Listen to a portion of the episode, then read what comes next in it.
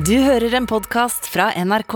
Nå begynner det jo å bli mange, veldig mange, og altfor mange vil noen si, av disse pendlerleilighetssakene. Eh, Den siste runden her er utløst av Aftenposten og VG, som har hatt hver sin sak om Hadia Tajiks pendlerleiligheter.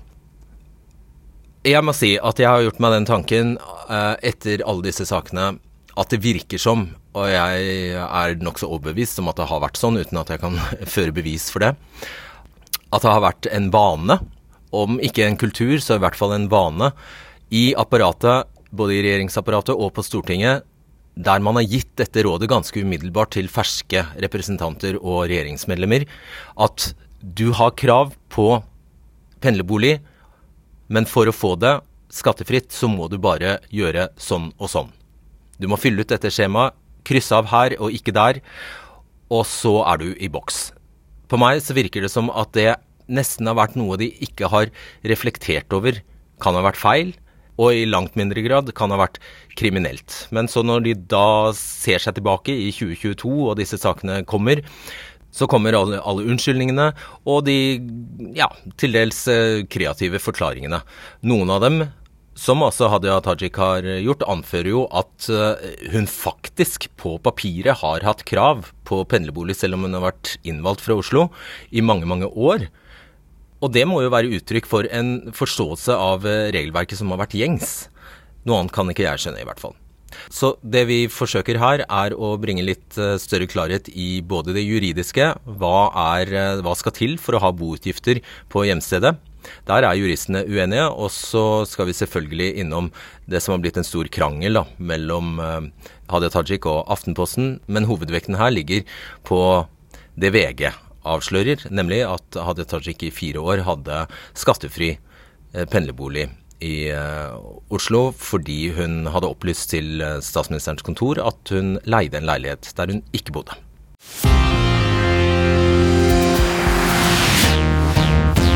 Vel møtt. 1.12.2006 ble den da 23 år gamle Hadia Tajik utnevnt til politisk rådgiver for arbeids- og inkluderingsminister Bjarne Håkon Hansen. Samme dag leverer hun inn en søknad til statsministerens kontor om pendlerbolig. Og hun får innvilget bolig fire dager etter. Men samtidig får hun en beskjed om at hun må skatte flere tusen kroner av leiligheten hver måned fordi hun har opplyst at hun ikke har boligutgifter hjemme. Seks dager senere leverer Tajik inn en ny søknad om pendlerbolig, og denne gangen opplyser hun at hun har boligutgifter hjemme. Vedlagt er en leiekontrakt der det står at hun skal leie en bolig hos foreldrenes tidligere naboer i Sandnes for 3000 kroner måneden. Datoen på kontrakten er 30. november 2006. Det er én dag før hun leverte den første søknaden og fikk det første eh, tilsagnet om pendlerbolig, men da altså fikk beskjed om at hun måtte skatte. Og sånn går det til at Hadia Tajik får skattefri bolig i fire år. Fordi statsministerens kontor tror hun bor i denne leiligheten i Sandnes som hun leier når hun er hjemme. Men det gjorde hun altså ikke. Hun bodde på pikerommet hos foreldrene de gangene hun var hjemme. Det ser uryddig ut, sier Hadia Tajik selv. Og Vi skal straks snakke om hvor mye denne saken ligner på saken som felte Kjell Ingolf Ropstad, og for så vidt også de andre pendlerboligsakene. Men vi skal først til deg, utenriksreporter Gro Holm, du er med oss fra Kyiv i Ukraina. Hvor godt forberedt er de ukrainske regjeringsstyrkene på å forsvare mot ja, forsvare de regjeringskontrollerte områdene i Donbass nå? Ja, Dersom president Putin i Russland bestemmer seg for å sende sine styrker vest for denne kontaktlinjen som skiller de opprørskontrollerte områdene fra de regjeringskontrollerte områdene i Donbass, så kommer de til å møte en regjeringshær som er veldig mye bedre forberedt enn da krigen startet for åtte år siden. Det er en betydelig del av de 250 000 soldatene i den stående styrken i Ukraina som befinner seg der. Så er det også mange mange tusen veteraner som er klare til å kjempe og ikke minst et stadig voksende heimevern. De kommer til å kjempe mot den russiske eventuelle framrykningen mot vest, det er helt klart.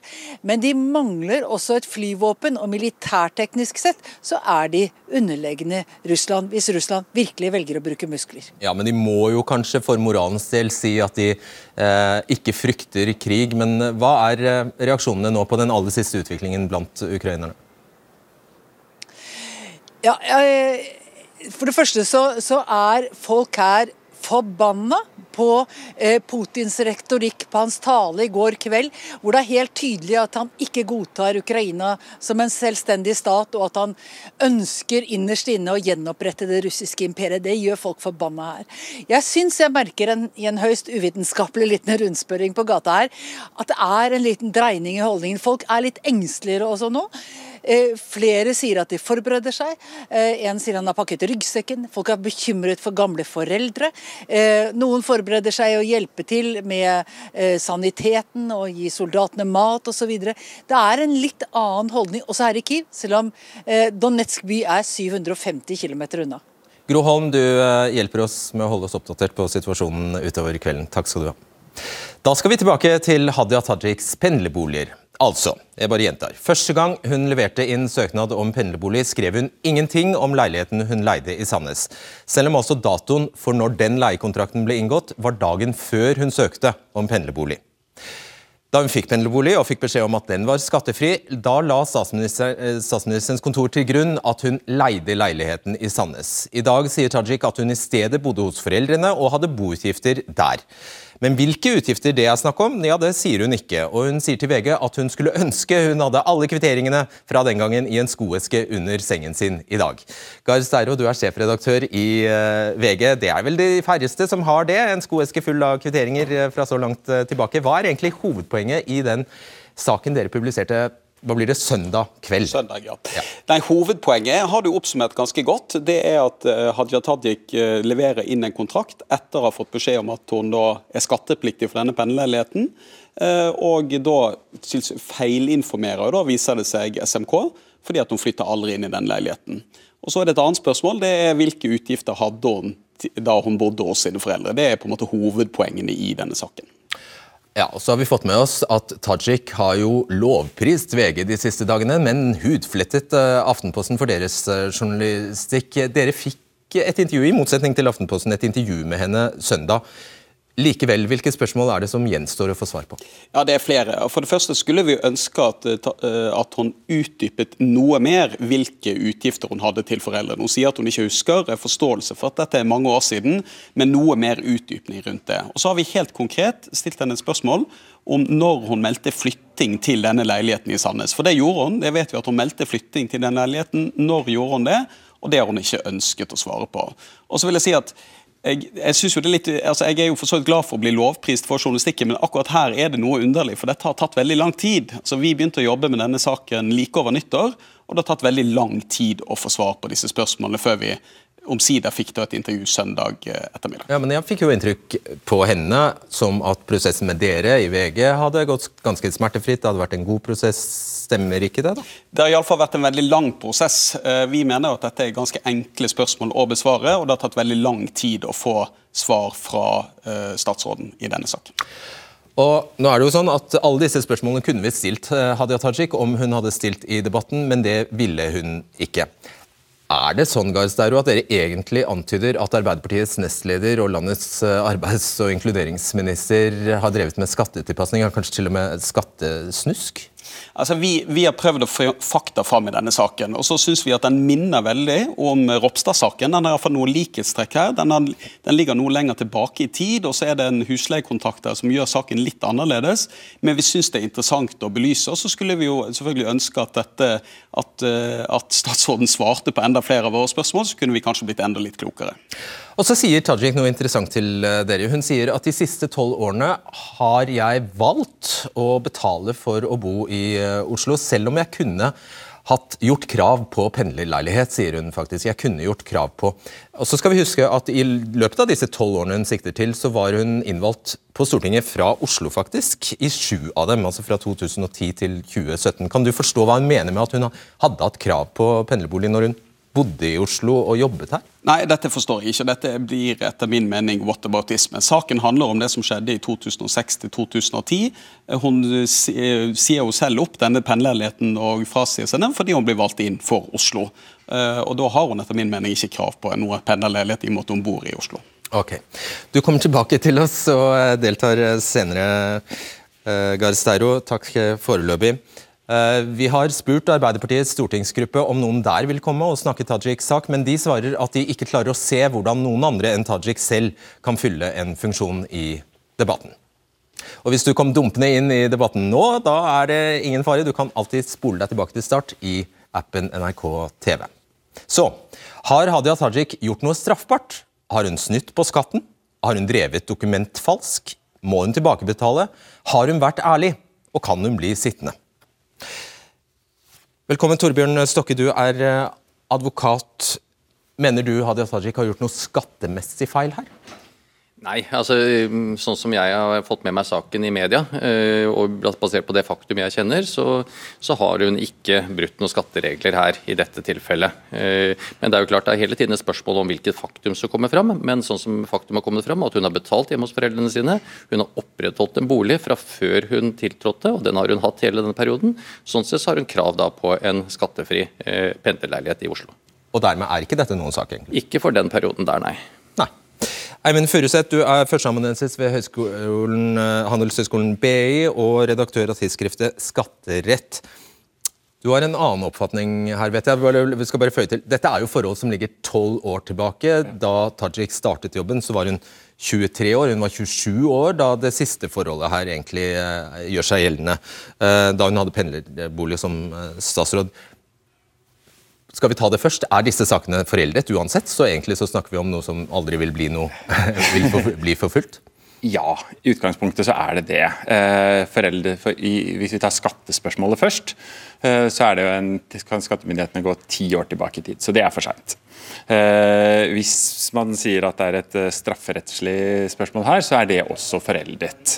Men det betyr jo ikke at man ikke har gjort noe galt. Man har like fullt brutt skattereglene hvis man da har gjort det, og brutt straffereglene. Eh, men man kan ikke straffes eller endres. Så la oss bare uh, forstå. Hva mener du hun har gjort galt? Jeg mener jo, jeg har nok en litt annen oppfatning skatterettslig. Eh, jeg, nå kommer du helt an på faktum, selvfølgelig. om hun da Vi baserer oss på det hun har sagt ja. og opplyst så langt. Ja. Ja. Hvis hun da bare har betalt hjemme litt sånn sporadisk, eh, fordi at man da har hatt litt mer, eh, bedre økonomi enn sine foreldre, så mener jeg ikke det er nok. Eh, men hvis man reelt sett har betalt for å bo hjemme, da blir det annerledes. Eh, det er én ting. Eh, og så er jo den, men det kommer vi kanskje tilbake til, men det med den leiligheten som hun har leid. Ja, som men på, Eller, på papiret Hun la, la fram en, en, kontrakt til statsministerens kontor og sa se her, denne leiligheten leier jeg for 3000 kroner, og så viser det seg nå at der har hun aldri bodd. Nei. Og Det er jo å måtte legge frem feil opplysninger til skattemyndighetene. Eller til da statsministerens kontor, og som igjen da for eh, skattemyndighetene. Så Det er jo skatteunndragelse. da. Det er skatteunndragelse? Ja. Hva er strafferammen for det, da? Eh, Opptil eh, opp til seks år kan det være. For, eh, I fengsel? Eh, seks års fengsel er yt ytre strafferammen for grovt skattesvik. Vil du tro at det kan være det? Nei, det man vil. Nå, nå skal ikke jeg uttale meg om strafferammer og hvor mye hun eventuelt kunne ha fått. men eh, det skal ikke så mye til for at det blir grovt. Eh, og Her har man vel da estimert eh, leieverdien eh, av leiligheten hun har hatt i Oslo til ca. 10 000 kroner i måneden, og så er det ca. fire år. Så hvis vi da sier 480 000, 500 000 og så blir det jo skatteverdien av det. som er... Altså at det gode var verdt 480 000? Ja, ikke sant? Som hun da istedenfor å få 480 000 i lønn, så har hun fått en gratis leilighet. Ålreit. Cecilie, ja, du skal få straks. Cecilie, Cecilie Amdal, du er partner i advokatfirmaet Skjøtt. Eh, vi husker at eh, Kjell Ingolf Ropstad han avtalte med foreldrene at han skulle dekke, bidra til å dekke deres faste utgifter mot slutten av året. Det ville gi ham skattefritak for pendlerboligen hans, men så viste det seg at uh, han gjorde jo ikke det.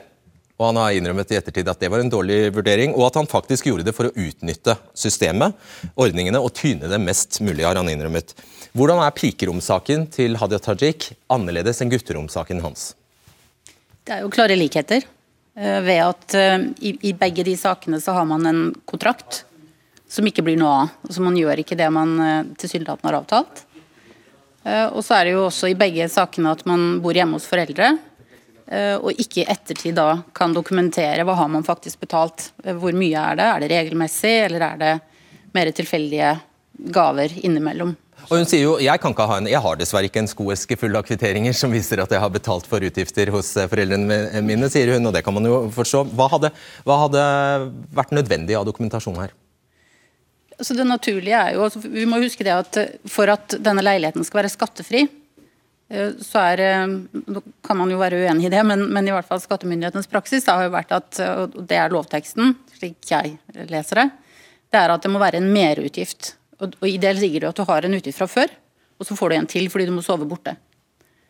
Eh, og Da er det den merutgiften du kan få som skattefri. Og Da må du dokumentere da, at du hadde en annen utgift. Og, og Hva slags dokumentasjon, det må jo vurderes konkret, men typisk en leiekontrakt, typisk at du har en avtale da med foreldrene, det kunne jo i og for seg være dekkende nok, det. Men en merutgift kan ikke være at hun stikker på Kiwin og kjøper middag til familien når hun kommer? Det er litt, litt sånn tilfeldige bidrag når du er hjemme, kanskje ikke så ofte, da rent faktisk, det vet vi jo ikke noe om, men, men tilfeldige bidrag vil jeg mene er mer gaver og ikke egentlig kvalifiserende. Her er du uenig, for du mener at det faktisk i prinsippet da, ville ha holdt at hun stakk innom butikken eller vippsa 100 kroner til ja, foreldrene? Strengt tatt egentlig ikke det engang. Eh, altså utgangspunktet så, så, har man et pendlerregelverk og et spørsmål om når man kan få en skattefri pendlerbolig. Altså, det er ingen som, altså, i hvert fall Så lenge hun opprettholder en bolig på det hjemstedet hun hadde når hun tiltrådte, og den boligen er tilgjengelig for henne hele tiden, så har man en klar praksis for at det er tilstrekkelig for at det er ditt skattemessige bosted. Og så, Hvis du da i utgangspunktet eh, er, har utgifter til en annen bolig, så, så, står det i loven at du skal ha merkostnader. Men hva er merkostnader? Altså det, I en språklig forståelse er det jo kost, mer kostnader enn det du utgangspunktet ville hatt. Så det kan være snakk om én krone, da? Ja, så Hvis du utgangspunktet hadde null hjemme, du betalte ingenting hjemme, og nå får du 100 kroner i, i kostnader, så har du merkostnader. Eh, og Det er jo også det som Grette-rapporten, som er blitt, eh, i hvert fall blitt lagt fram tidligere, har eh, poengtert også at det er tilstrekkelig.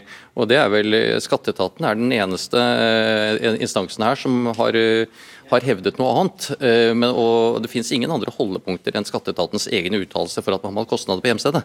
Det er jo lett for en lekmann å gå seg veldig vill her, når dere er så uenige om noe så grunnleggende. jeg tror. Og Dere blir nok ikke særlig mer enige om akkurat det, men hva med tilbakebetaling, da? Nei, Man har jo da ikke en ja, hva skal jeg si, Skattemyndighetene kan da ikke gå tilbake og endre og kreve tilbake en eventuelt eh, skatt som man skulle ha betalt, for den fristen har gått. Eh, så er det jo spørsmål mer en moralsk plikt, og man har da en plikt til å tilbakebetale det som man har fått for mye. Og Det tenker jeg når man har en sånn rolle som hun har, eh, at det er noe man egentlig bør forvente av, av våre politikere. Ja, Så du mener hun bør betale tilbake? Ja. Ok. Um, Amdal, hva, ja, hva mener du om det, Amdal? Det er vel eh, altså, skatte, Skattesaken er jo foreldet, så det er jo, noe, det er jo ikke noe, tematikk. Og så er det vel slik at man kan vel få fri bolig, så, altså stortingsleilighet, og så er spørsmålet blir den skattefri eller ikke. Slik at Stortinget ville uansett hatt denne leiligheten, og det kan hende hun hadde krav på den. Slik at eh, Stortinget ikke nødvendigvis har tapt noe på det. det Men vi snakker vel om moral, da? Eh, det er vel antagelig Da snakker vi kanskje om moral, og det skal ikke jeg mene så mye om. Men, men tapet, hvis noen har tapt noe og hun skulle betalt skatt, så er jo det skattemyndighetene. Det var derfor jeg spurte deg, det var derfor jeg stilte et annet spørsmål, egentlig. Mener du hun burde betale tilbake? Hvis, hvis forholdene er slik det, det er fremlagt? Det vil ikke jeg mene noe om. okay. Hvor ligger ansvaret egentlig for å dokumentere disse forholdene, som da fremdeles som da forblir udokumenterte? Ligger det hos Stortingets administrasjon, hos statsministerens kontor, hos henne selv? Det, ligger jo, Om hun klarer det i dag, da, det, er, det er jo et annet spørsmål. Men, men, i utgangspunktet så ligger jo det klart hos, hos den som legger frem dokumentasjon og derved mener å ha rett på noe, og også dokumenterer for å få en skatteposisjon. Så Hadia Tajik burde i det hun sa jeg har utgifter hos mine foreldre, så burde hun ha lagt fram dokumentasjon på det? Ja, ja, det hadde jo vært mye enklere for alle. og så er det jo Systemet har jo også en, en, lojalitetsforventning i seg. at Hvis det kommer en endring, hvis denne kontrakten ikke lenger blir aktuell, men det er dette isteden, så hadde man jo hatt mulighet til å kontrollere det da, overprøve det. Og så hadde vi jo ikke hatt den diskusjonen da. Du, nå spør jeg hvis, og jeg understreker hvis, den leiekontrakten vi så her i sted er tilbakedatert. Altså at eh, ja, at den er tilbakedatert. Hvis det er tilfellet, hva betyr det? Nei, det er jo da tilbakedatering, Tilbakedateringen er jo i seg selv dokumentforfalskning, så det er jo straffbart. Eh, og så har man jo da brukt den tilbakedateringen for å få en økonomisk vinning. Og Hvordan vurderer du denne kontrakten? Nei, Det virker jo, som du startet innledningsvis i dag, at uh, man da først gir informasjon om at man ikke har et leieforhold, og så noen dager etterpå så har man et leieforhold, men datoen på kontrakten er før den første opplysningen. Så er jo det kanskje mye som tyder på at man har skrevet feil dato når man leverte kontrakten. Og da sier du da er det dokumentfalsk? Ja. Hva er strafferammen for det, da? Nei, Det er vel inntil to år, det også. da, Eller to år fengsel for det også. Bøter eller to års fengsel. Den påstanden du kom med der, det har vi forelagt uh, Hadia Tajiks uh, rådgiver. Vi har ikke fått svar. Nei. Torbjørn Stokke, er det virkelig sånn da? Altså, hvis de, disse har rett, altså har vi, eller for så vidt hvis dere alle det er, synes dere ganske enige om at det skal Vi har egentlig et system der det holder for en stortingsrepresentant eller et regjeringsmedlem å stikke innom butikken på vei hjem til foreldrene og kjøpe med eh, middag til dem, og så innfrir du kravet som skal til for å få skattefri pendlerbolig på skattebetalernes bekostning? Ja, altså du, du, kan si at I utgangspunktet er det jo eh, helt at det spørsmål om du har krav til å betale noe, som jeg var innom eh, i sted. Men uh, i dette tilfellet her, så i den grad man har krav til å betale noe, hva er det i så fall man skal si for å ha en merkostnad altså for å hjemme? Altså Dette begrepet merkostnad det er så ullent at uh, da hadde man krevet uh, kanskje litt mer klarhet i dette her. Og så er det et spørsmål da, om dokumentasjon. Det er jo ikke, det er ikke sånn at uh, skattyteren, Det er ikke noen straffesak. Er, man, skal ikke dokumentere dette, men skatteetaten skal legge det mest sannsynlige faktum til grunn. Uh, og Hvis det mest sannsynlige faktum til her er at uh, Hadia Tajik har betalt kostnader hjemme og dekket underholdet ved den, den, leiligheten som de foreldrene har der, så er det det mest sannsynlige faktum som skatteetaten skal legge til grunn. Svarer du kort på det? Eh, ja, Skatteetaten skal legge det mest sannsynlige faktum til grunn, det er helt riktig. Eh, men eh, det vil jo da hjelpe veldig godt på hvis du har dokumenter. Du har noen bankutskrifter, du har noen Det er vel ikke naturlig å ha kontrakt kanskje med sine foreldre, men at man klarer å dokumentere det på en eller annen måte. Ok. Mm. Helt til slutt, har det noe å si vi hørte Gard Steiro etterlyse svar på når det var hun meldte flytting i folkeregisteret. Har det noe å si? Folkeregisteret er helt andre regler enn det skattemessige. Eh, skattemessig har Tajik aldri flyttet fra boligen til foreldrene. så Der har hun bodd hele tiden. Hva hun har gjort folkeregistermessig og meldt flytting der, det er ikke noe å si for den skattemessige saken. Nei, Og da egentlig ikke for noe? Nei. Ok, greit. Takk for den runden. Tusen takk. Eh, dere jurister kan gå ut. Vi skal bytte dere inn med noen som har, oftest har langt mindre formell utdanning færre vekttall enn dere, nemlig journalistene. Eh, og en politiker får vi også plass til. Velkommen sjefredaktør i Aftenposten Trine Eilertsen, politisk redaktør i Dagbladet Geir Ramnefjell, nyhetsredaktør i den borgerlige avisen Minerva. Og ja, der var du igjen, Garceiro! Sånn skal det være. Og så sier jeg god kveld til deg, Mimir Kristiansson. Du er stortingsrepresentant for Rødt. Som arbeids- og sosialminister i regjeringen har jo er hun sosialminister? Nå ble jeg usikker. Eh, inkluderingsminister, tror jeg hun er. Uh, Hadia Tajik er jo ansvarlig for Nav, da. det var poenget mitt. Og for alle mottakere av Nav-ytelser. Uh, de, de, kan jo ofte bli straffet for, for, feil de gjør. Hvordan tar denne saken seg ut? Den tar seg ekstremt dårlig ut. Uh, det som VG har vist, er jo at Hadia Tajik har fabrikkert en leiekontrakt et sted hvor hun slett ikke har bodd, og levert falske opplysninger om det. Eh, til regjeringen eller statsministerens kontor. Og Hun har alle slags eh, begrunnelser for det. Hun kaller det jo selv å opptre uryddig, men du skal ha lykke til hvis du har levert falske dokumenter som syk eller trygda til Nav, med å overbevise de om at du bare opptrer uryddig. Og Hun sier videre jeg var bare 23 år. Ja, du skal ha lykke til hvis du er 23 år og prøver å skylde på det hvis du har levert et meldekort feil i Nav-systemet. Og videre så sier jo dette med at du har ikke alle kvitteringene, alle dokumentene i en skoboks under sengen. og Det er lett å ha sympati med det, men når trygda og syke mennesker ikke finner kvitteringer, dokumenter, legeerklæringer, hva det skulle være, så ser ikke Nav blitt på det. De straffer folk med fengsel, med bøter. Og hadde denne saken vært i Nav-systemet, så hadde han ikke rukket å bli forelda. For i motsetning til det storting og regjering har vist overfor sine egne, så er jo Nav et system tufta på mistillit og kontroll. Og det viser bare den deprimerende sannheten nok en gang. Og man setter gang på gang med pendlerbolig, diett, reiseregninger. Og det at i Norge så straffer vi syke og fattige folk hardere når de får for mye fra statskassen, enn vi straffer rike og mektige folk når de gjør det samme. Her skal du få en teori av meg, Mimir Kristiansson. Kanskje er det sånn at når du er 23 år, det skjer veldig mye i livet ditt, du får beskjed om at eh, her, her i gården så får man eh, pendlerbolig skattefritt hvis man bare gjør følgende, og her skal du få tipset. Du eh, sørger for at du har boutgifter på hjemstedet, det gjør du sånn og sånn. Og så følger du bare du bare følger de rådene du får som 23-åring. Kan, kan, kan det være sånn? Det kan selvfølgelig være sånn, men denne 23-åringen var altså politisk rådgiver i Norges regjering.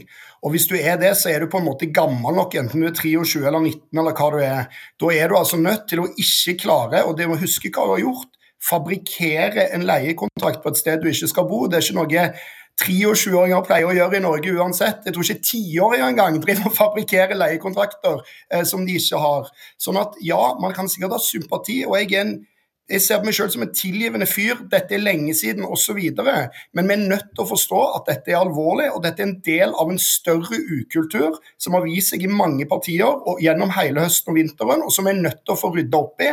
Og det hadde jo hjulpet om Hadia Tajik sjøl hadde tatt litt mer på alvor og vist litt mer anger enn hun gjør når hun bare kaller dette for uryddig.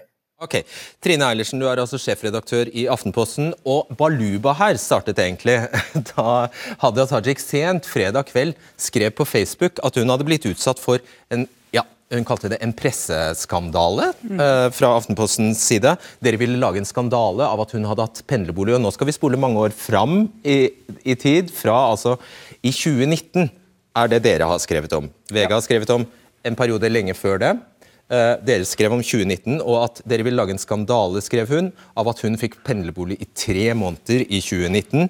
Og så ga dere henne en frist til klokka 22 fredag. Da følte hun seg helt satt opp mot veggen. Følte, at hun hadde et valg enten mellom å bli uthengt som en som utnytter systemet, eller en som uh, måtte fortelle detaljert om sikkerhetssituasjonen sin. Hvorfor satte du henne i en sånn situasjon? Vi har eh, jobbet med denne saken i tre uker og prøvd å få noen svar på hvorfor hun som eh, hadde bolig, eide bolig i Oslo, hadde pendlerbolig i den perioden. Fikk svar på grunnen til at hun ikke kunne bo i den boligen, var at hun skulle selge boligen. Eh, så av sikkerhetsgrunner så kunne hun ikke bo der i den perioden. Det er helt greit, men så spør vi videre eh, hvor, hvor, disse rådene kom fra. Vi går videre og så sier vi greit, men da skal du ha en annen bolig. Eh, hva alternativer har du da, og hvem skal bekoste den boligen? Så Vi har egentlig spurt om dette eh, flere ganger. Eh, og spurt om de valgene hun har tatt underveis. Vi satte en frist fredag klokken tolv og ba om å få svar og noen sitater vi kunne bruke.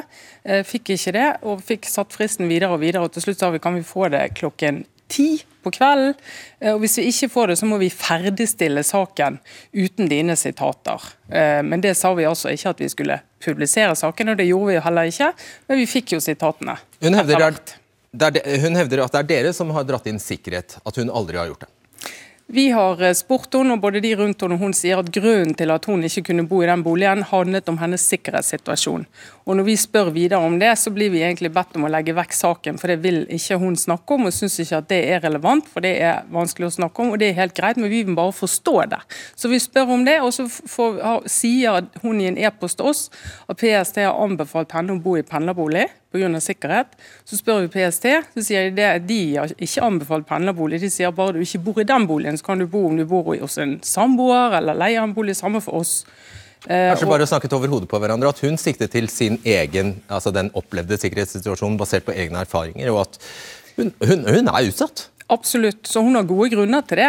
Eh, men vi prøver å komme i en dialog med henne om alt dette her, men hun vil jo ikke møte journalistene våre og snakke om dette, så det har jo ikke vært en enkel prosess.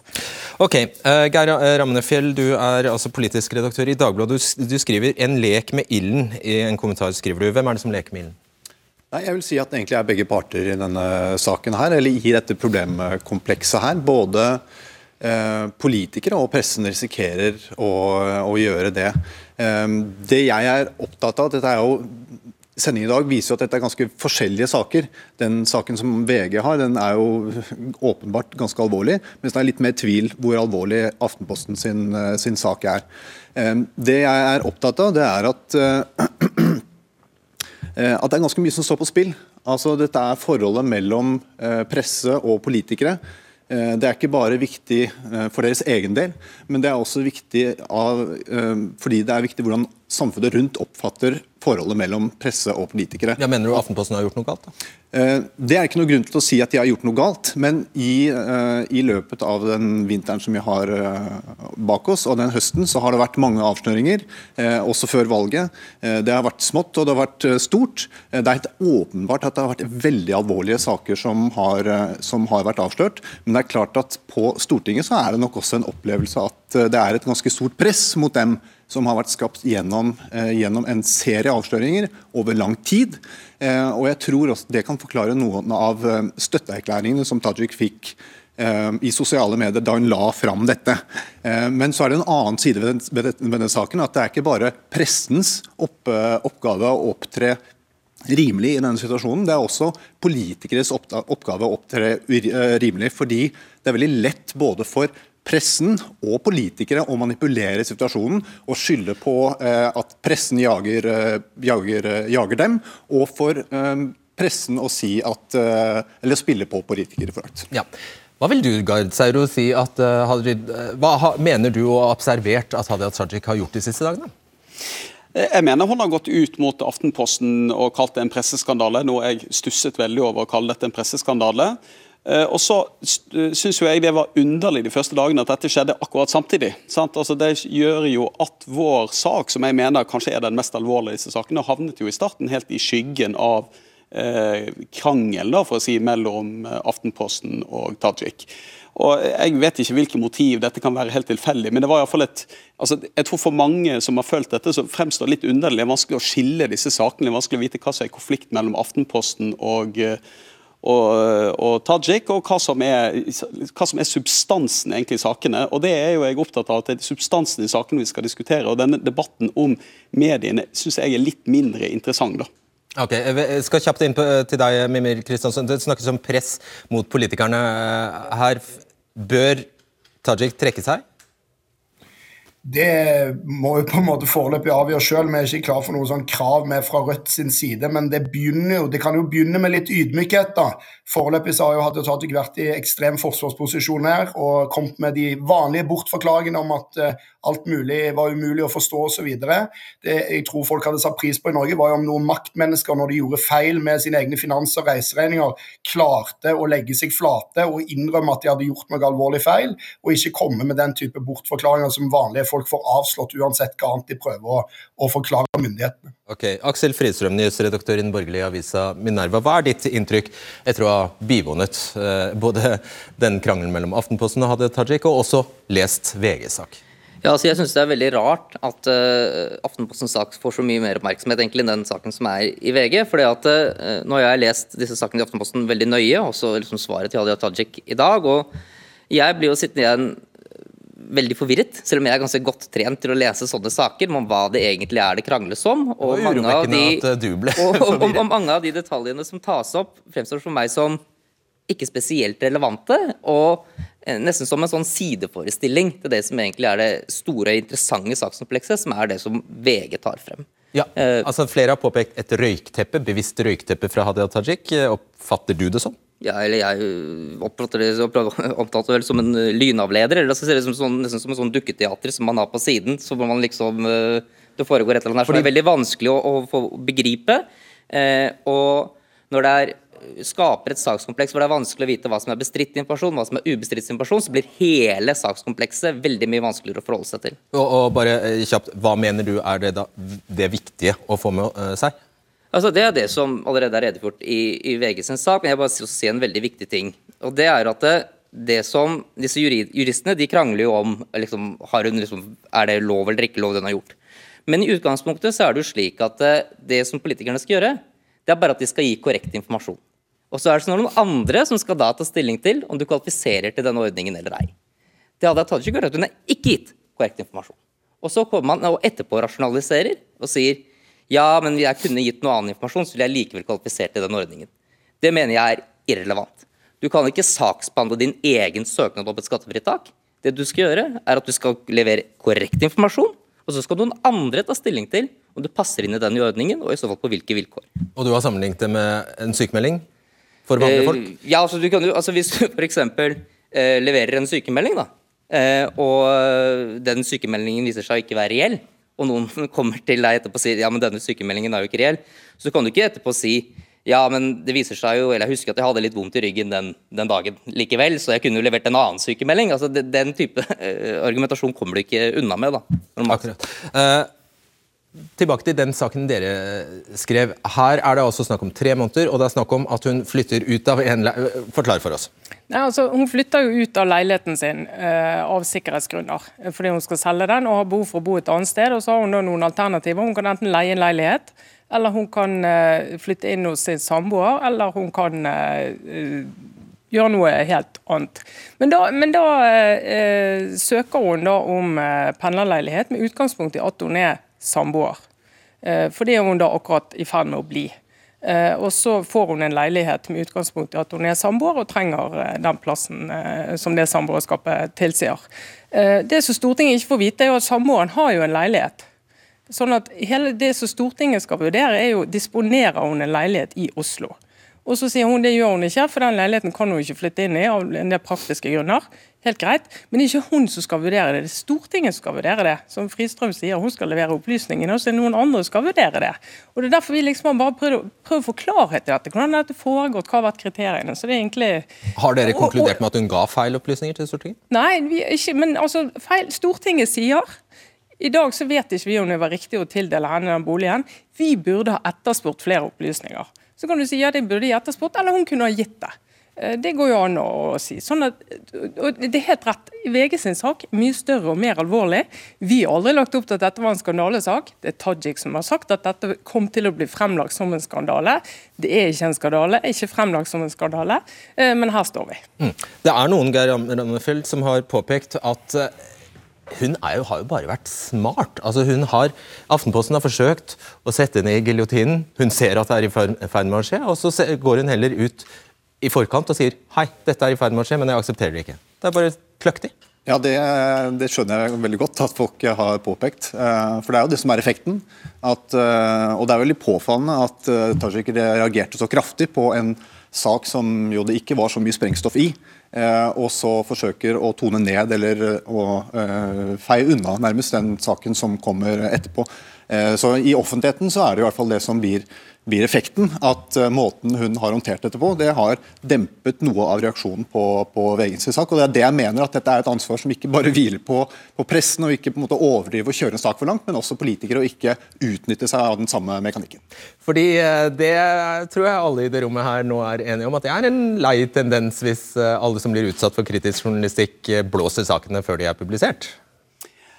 Vel, jeg vil si at det, for, det har jeg forståelse for at mange gjør, men jeg synes at statsråder og myndighetspersoner skal eh, gjøre det med varsomhet. og Der synes jeg Ramnefjell har et godt poeng. altså at det er en tillit mellom eh, pressen og myndighetspersoner i Norge. Der vi stiller spørsmål, der vi gir de samtidig møtegåelser, der man har en dialog. Og denne dialogen, Hvis den ender med at ting blir publisert ut, man får denne type konflikter før saker publiseres, så kan det svekke tilliten mellom pressen og politikerne og Det tror jeg øker risikoen for feil, det øker risikoen for misforståelser, og det svekker og tilliten potensielt til begge parter. Ja, men I kommentarfeltene så ser vi jo det fake media, altså løgnpresse altså Alle disse ting vi egentlig kjenner fra andre, andre land. Det, man tar det jo ikke ut av løse lufta. Norske journalister og redaksjoner har jo tydeligvis ikke et helt plettfritt eh, rykte der ute. Nei, og journalister gjør feil, og medier gjør feil, og vi bør bli langt flinkere til å innrømme det. Men, men det er ikke poenget her, syns jeg. Altså, Jeg syns at det er underlig at en statsråd kaller dette en presseskandale før saken omtrent er publisert. Det syns jeg er litt underlig. Og Det er åpenbart at dialogen mellom Aftenposten og Tajik her har vært dårlig, at det har skåret seg. Men selve saken er jo ingen skandale. Og Det, tror jeg det syns jeg er uheldig hvis vi får den situasjonen at man får en sånn krangel mellom politikere og presse før saken er publisert, der Aftenposten òg sitter og vurderer om de skal publisere saken. Hadde den debatten kommet etter saken har vært publisert, så hadde det vært noe annet. Angrer du på noe? Nei, altså, jeg, jeg, angrer jo ikke på noe, men det jeg ser altså, Jeg har ikke lyst til å havne i en situasjon i full klinsj med en statsråd som reagerer sånn som hun gjør. Og Jeg har uh, tiltro til at uh, Tajik gjorde dette på fredag fordi hun trodde at saken skulle publiseres samtidig som hun sendte de sitatene. Det viser hun har veldig dårlig tillit til oss av en eller annen grunn. Eh, sånn at det, det får jo hun svare på hvorfor hun har det, uten å ha erfaring med at hun har grunn til å ha så dårlig tillit.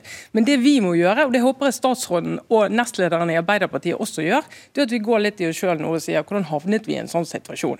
Og Det betyr jo at eh, f.eks. hadde det vært nyttig å snakke sammen underveis. Det er jeg helt sikker på. Skal dere skåne oss andre fra den, eh, den, terapien, eller har dere tenkt å ta den i offentlighet? det tar ikke den første dagene, tror jeg. Men, har, du, har dere oppfølgingssaker? Du, Jeg kommenterer ikke upubliserte saker, så sånn er det, vet du. Nei. Eh, kommer du til å foreta deg noe mer, Mimir Kristiansson? I første omgang så kommer vi bare til å si knallhardt fra om at dette her ukulturen på Stortinget må ta slutt. Vi må rydde opp i de pendlerboligreglene. Vi har foreslått ting og blitt nedstemt for å stramme inn de reglene. Og så må vi se hva mer som kommer fram og hvilken tillit som skal være til Hadia Tajik. Men i utgangspunktet så er dette et kollektivt problem for hele politikerstanden i Norge.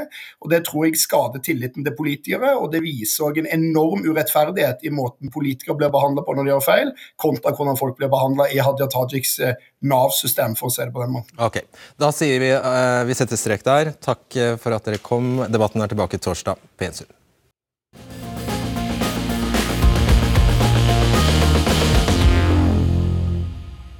Ja, dette er vanskelig altså når eh, hovedpersonen ikke vil stille, men jeg håper vi klarte å yte saken og kompleks rettferdighet, og at det ble en noenlunde balansert dette her. Vi gjorde i hvert fall det vi Eh, vi prøvde iherdig å få til en eh, balanse her. Så jeg håper vi oppnådde det, for ingen er tjent med at noen forhåndsdømmes. Ja, da håper jeg bare at vi høres igjen til torsdag. Ha det bra. Du har hørt en podkast fra NRK. De nyeste episodene hører du først i appen NRK Radio.